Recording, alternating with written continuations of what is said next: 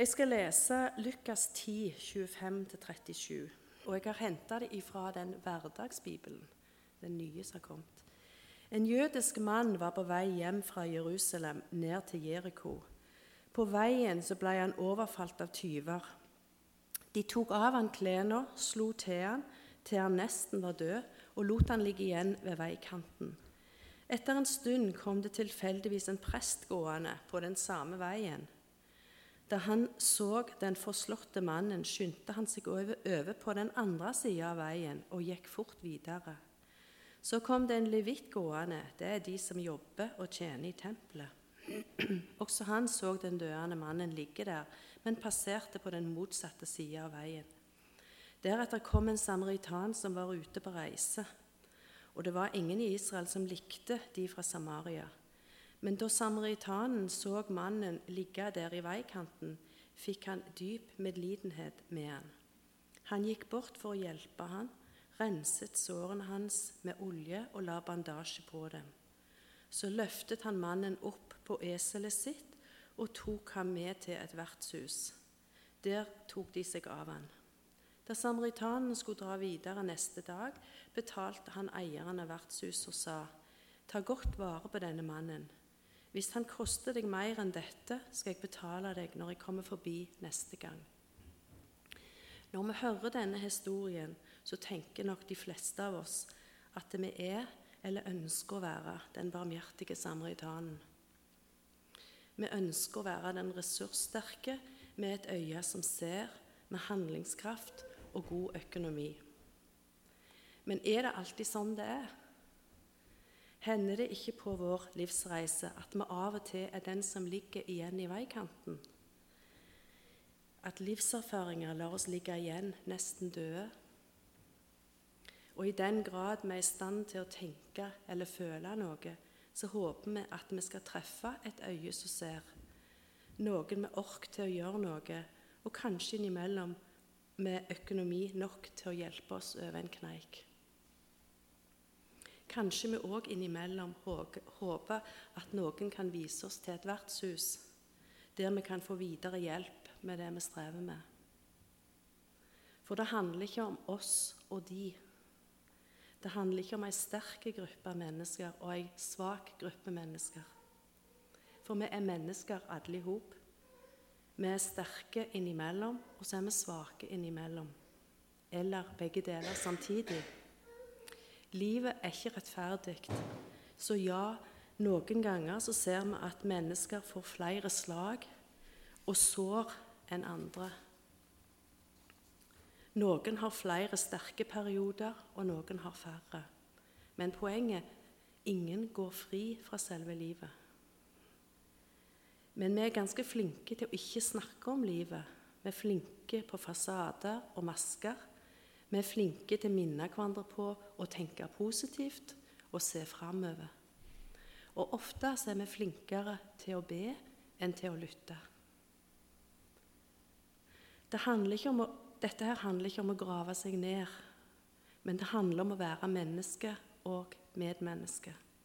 Og Jeg har henta noen sitater fra nettsider der eh, folk blir invitert til samtaler. Og Jeg har bare lyst til at dere skal se og høre hvis du har opplevd fysiske, psykiske, seksuelle eller åndelige overgrep, hvis du strever med gudsbildet ditt og troen utfordres, hvis du har opplevd vonde episoder i oppveksten, hvis du har atferdsproblemer, hvis du sitter fast i noe, hvis du trenger å reorientere deg, hvis du har, eller dere har samlivsproblemer, hvis du har opplevd skilsmisse, andre, eh, annet som oppleves vanskelig eller i overkant utfordrende.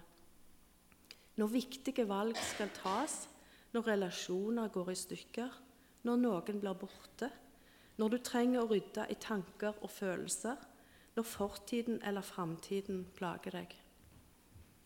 Kanskje det er utmattelse, sykdom, fysisk og psykisk, krevende omsorgsoppgaver, synlig og usynlig helseproblematikk, ingen som ser, eh, at du føler deg uelska, føler deg avvist, sliter med angst, ensomhet eller bare en altfor full hverdag.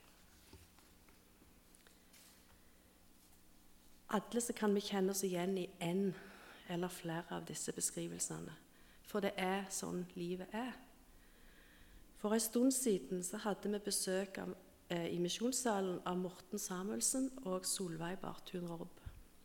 Og Solveig fortalte ærlig om innleggelser på psykiatrisk, om den risikoen for tilbakefall som hele veien sto overfor. Når Solveig er syk, så trenger hun en barmhjertig samaritan som ser og handler. Når hun er frisk, så server hun andre som trenger hennes formelle kompetanse, og ikke minst hennes realkompetanse. I denne sammenhengen vil jeg dele litt av min egen historie. Da jeg var 20 måneder, så ble jeg innlagt på et sykehus. Eh, jeg er født med sånn hofte ut av ledd. Så det var Også på den tida så ble foreldrene nekta tilstedeværelse på sykehusene. Og Barna ble atskilt fra foreldrene, og de ble tilpasset Det er en litt faglig måte å si det på, men de ble tilpasset institusjonen. Altså barnet eh, forsvant inn i institusjonslivet. Barna ble forlatt. Tilknytningen til mor ble forstyrret, og barna prisgitt et sterilt miljø uten trøst og omsorg. Det setter det litt i perspektiv for meg. Mitt yngste barnebarn var nettopp på sykehus. Eh, og datteren min sa underveis at Theo på ingen måte ville legge seg i sykehussenga om natta. Og det er klart det, sier hun, for det var jo i den senga han nettopp var blitt torturert. Og sett ifra en liten gutt på ett år, så er det det han opplever.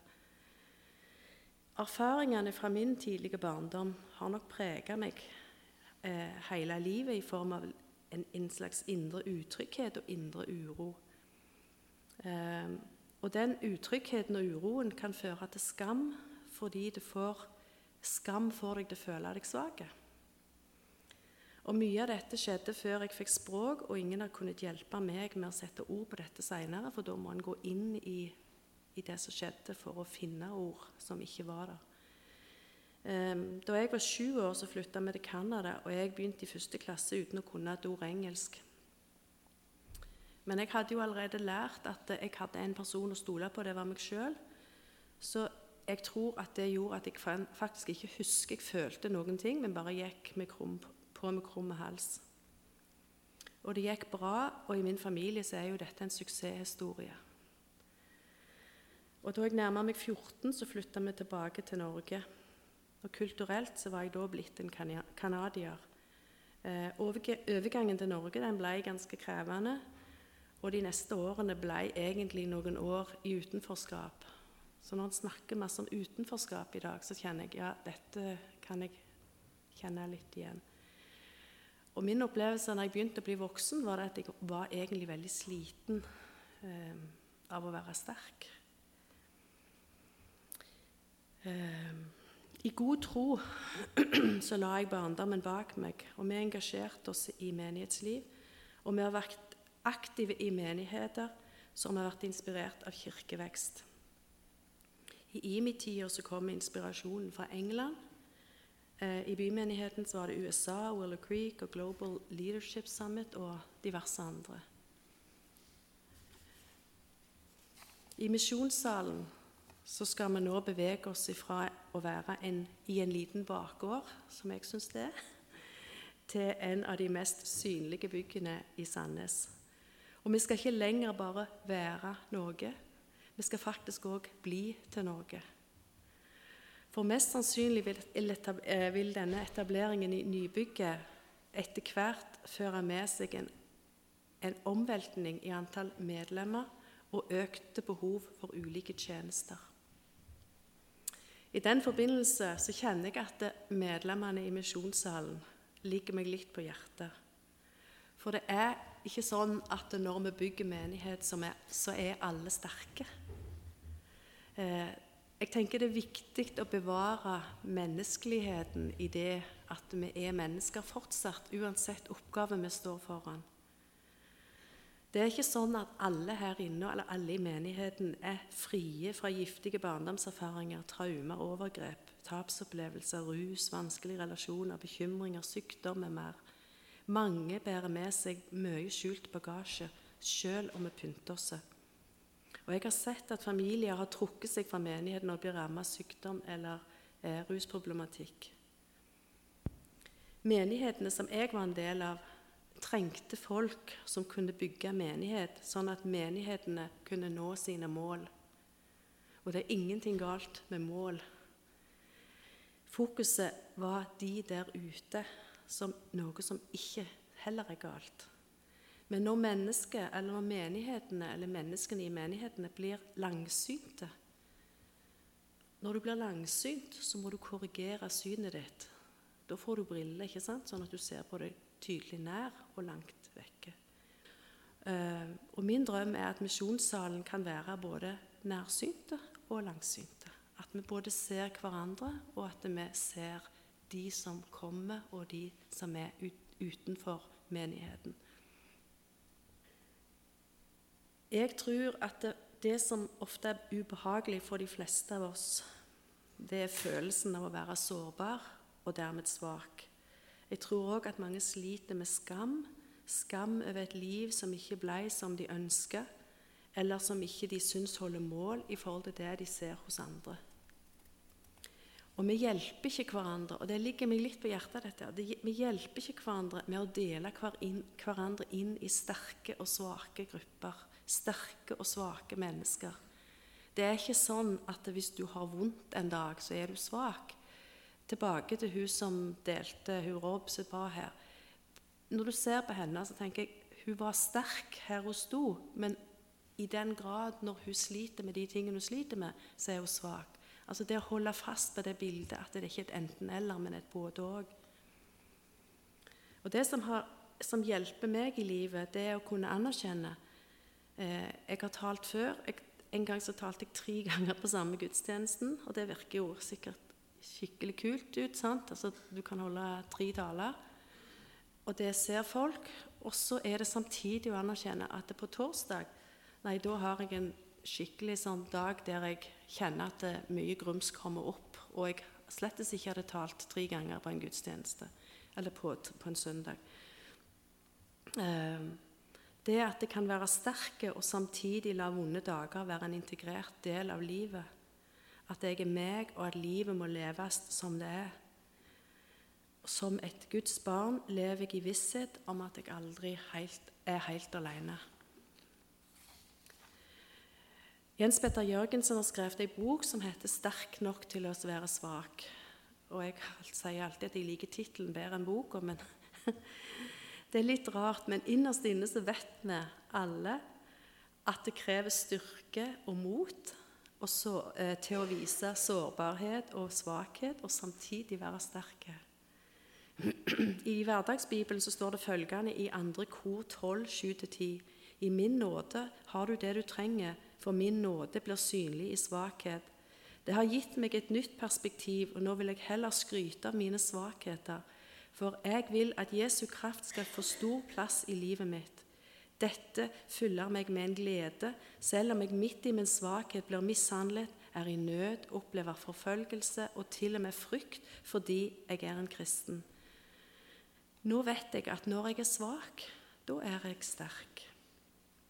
I Jesaja kapittel 6 så leser vi om det, da Jesaja ble kalt til tjeneste.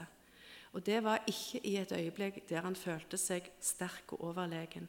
Tvert om så utbryter han. Ved meg, det er ute med meg, for jeg er en mann med ureine lepper, og jeg bor eh, i et folk med ureine lepper, og mine øyne har sett kongen, Herren over herskarene. Da Peter ble kalt til tjeneste, hadde han nettopp frasagt trua si i feighet. Han hadde ikke vært sterk nok når det gjaldt. Og Likevel så kalte Jesus han en klippe og vil bygge sin kirke nettopp på Peter.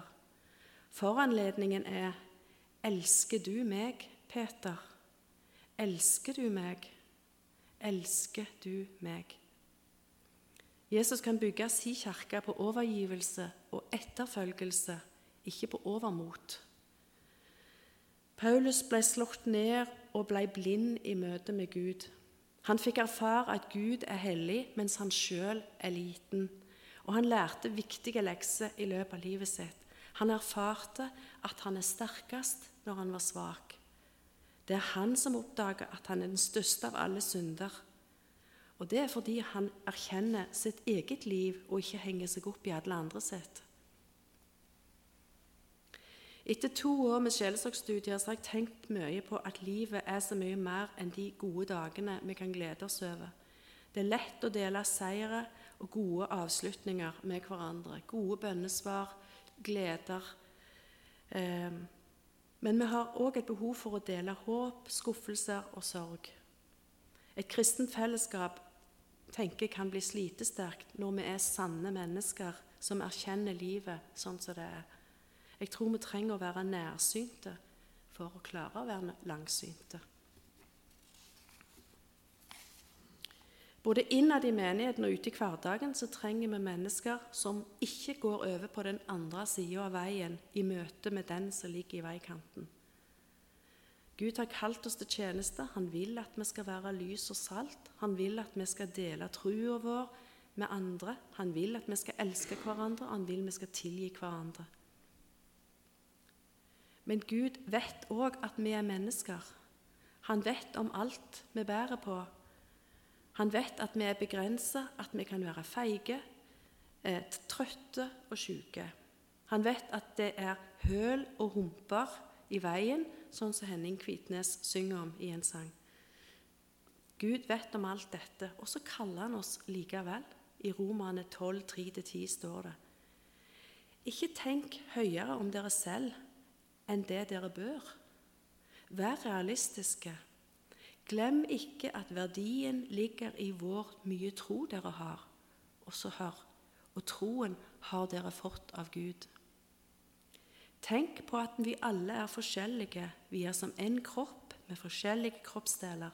De forskjellige kroppsdelene har forskjellige funksjoner, men til, til sammen utgjør vi én kropp, nemlig Jesu kropp på jord. På samme måte som kroppsdelenes forskjellige funksjoner tjener kroppen, skal vi òg tjene hverandre. Vi har ulike gaver som Gud har gitt oss av nåde. Elsk hverandre, eh, vis hverandre ekte kjærlighet. Som Jesu kropp på jord skal vi se hverandre, elske hverandre, tjene hverandre. Jeg tror vi trenger å være nærsynte i menighetene våre. Det er ekte fellesskap som gjør oss til mer enn en bedrift som skal gi ytelser til alle der ute. Vi skal leve våre liv, styrke hverandre når vi går på høl og humper i livet, og være sterke sammen. I Efeserne 2,10 står det Vi er skapt av Gud, og vi er Hans verk. Derfor er vi beredt til å gjøre gode gjerninger, som Gud på forhånd har bestemt for oss, slik at vi skulle vandre i dem vandre. Når kroppsdelene våre yter oss tjeneste i hverdagen, er det ikke noe vi tenker over. Ørene, øyne, øynene, armene, bein, indre organer de bare gjør det de skal. Vi merker ikke de før de ikke fungerer. Jeg tror at hvis vi er nærsynt i fellesskapene våre og tar vare på lemmene våre Og i det så legger jeg gir Guds ord autoritet, tilber vår skaper og far, lytter til hverandre, hjelper hverandre og viser vei til nærmeste vertshus når det trengs, så vil Gud lede sitt legeme på jord inn i ferdiglagte gjerninger i hverdagen. I Salme 1 så står det det har jeg ikke tatt med her, det mennesket som vil, eh, lever etter Guds vilje som natt og dag blir Gud Nei. Det mennesket som vil leve etter Guds vilje, og som natt og dag har Guds ord i tankene, er lik et tre som er plantet ved en frisk vannkilde. Det gir frukt når det skal, og bladene på det visner ikke. Ei bønn som jeg stadig ber, det er Gud, vis meg det du vil jeg skal se, og la meg få høre det du vil jeg skal høre. La meg få se min lille bit. Jeg har vært underveis snart et helt liv, og jeg er 61 år og har lagt bak meg, flere tiår av livet. Jeg bærer på bagasje som jeg sannsynligvis aldri blir kvitt. Allikevel så kan jeg se tilbake og vet at Gud alltid er. Han er hos meg i fortid, nåtid og framtid. Uansett hva jeg føler, og hvordan jeg føler meg. Og når jeg er feig, og når jeg er modig. Og når jeg er stolt, og når jeg skammer meg. Og Jeg har hatt mange tjenester og oppgaver, og jeg vet at det fins mennesker som har vært takknemlige for at jeg har vært til stede i livet deres i en periode. Men mange har jeg ikke sett og ikke kunnet være noe for eller være nok for. Og mye har jeg ikke fått til. Men jeg er i Han som gjør meg sterk når jeg er svak. Jeg tror på Han når Han sier at jeg er Hans barn, at Han går ved min side. Når Han sier at Han vil vise meg veien. Han tar imot meg når jeg går i feil retning, venter på meg. Han sier at han har gitt meg talenter jeg skal bruke. Han sier at han vil legge gjerningene ferdige, sånn at jeg kan vandre i dem. Og jeg tror han. Når vi skal bygge nye misjonssalen Det heter ikke det, men når vi skal flytte vil det, som i alt frivillig arbeid, være behov for villige hender, føtter og hode. Og I dette arbeidet kan vi være nærsynte og oppriktige mennesker. Det beste vitnesbyrdet jeg tror vi kan gi verden, det er se hvor de elsker hverandre. Da kan vi forkynne ordet om en Gud som elsker oss, og som rommer oss som de vi er. Vi elsker fordi han elsket oss først, og han sa 'kom til meg' før han sa 'gå'. Jeg skal avslutte med å gå tilbake til den barmhjertige samaritan. De som kom på veien, var tilfeldige forbipasserende. To av dem valgte å se bort. Én valgte å se og handle. Den nødlidende kan være deg, og det kan være en annen. Det kan være en ute i den store verden, og det kan være en eller ei i din egen stue. Den barmhjertige samaritan hjalp bare én mann, ikke flere. Den barmhjertige samaritan var bare en begrenset mann. Men hvis han levde i Guds kjærlige ledelse, så kanskje han hjalp en annen seinere. Noen ganger så får vi konkrete kall eller eh, oppgaver og tjenester. Da må vi kjenne etter om dette er noe vi kan gjøre. Vi vet alle at menigheten er avhengig av at det til enhver tid er mennesker som kan ta et tak. Noen kan bake kaker, noen kan lede lovsang, noen kan regnskap, og noen gipser en vegg. Vi kan si ja eller nei til oppgaver og tjenester, alt etter kompetanse, helsesituasjon eller hverdagsutfordringer vi står i. Helt til slutt så har jeg eh, et bilde. Dette er Theo, ett år og tre måneder, som løp av gårde Storesøster Sara på elleve står ved siden av og ser på lillebroren. Etter en stund så kommer det stille fra Sara. Theo tror alltid at det er noen rett bak han. Ja, tenkte jeg i mitt stille. Og i den tryggheten så løper Theo av gårde.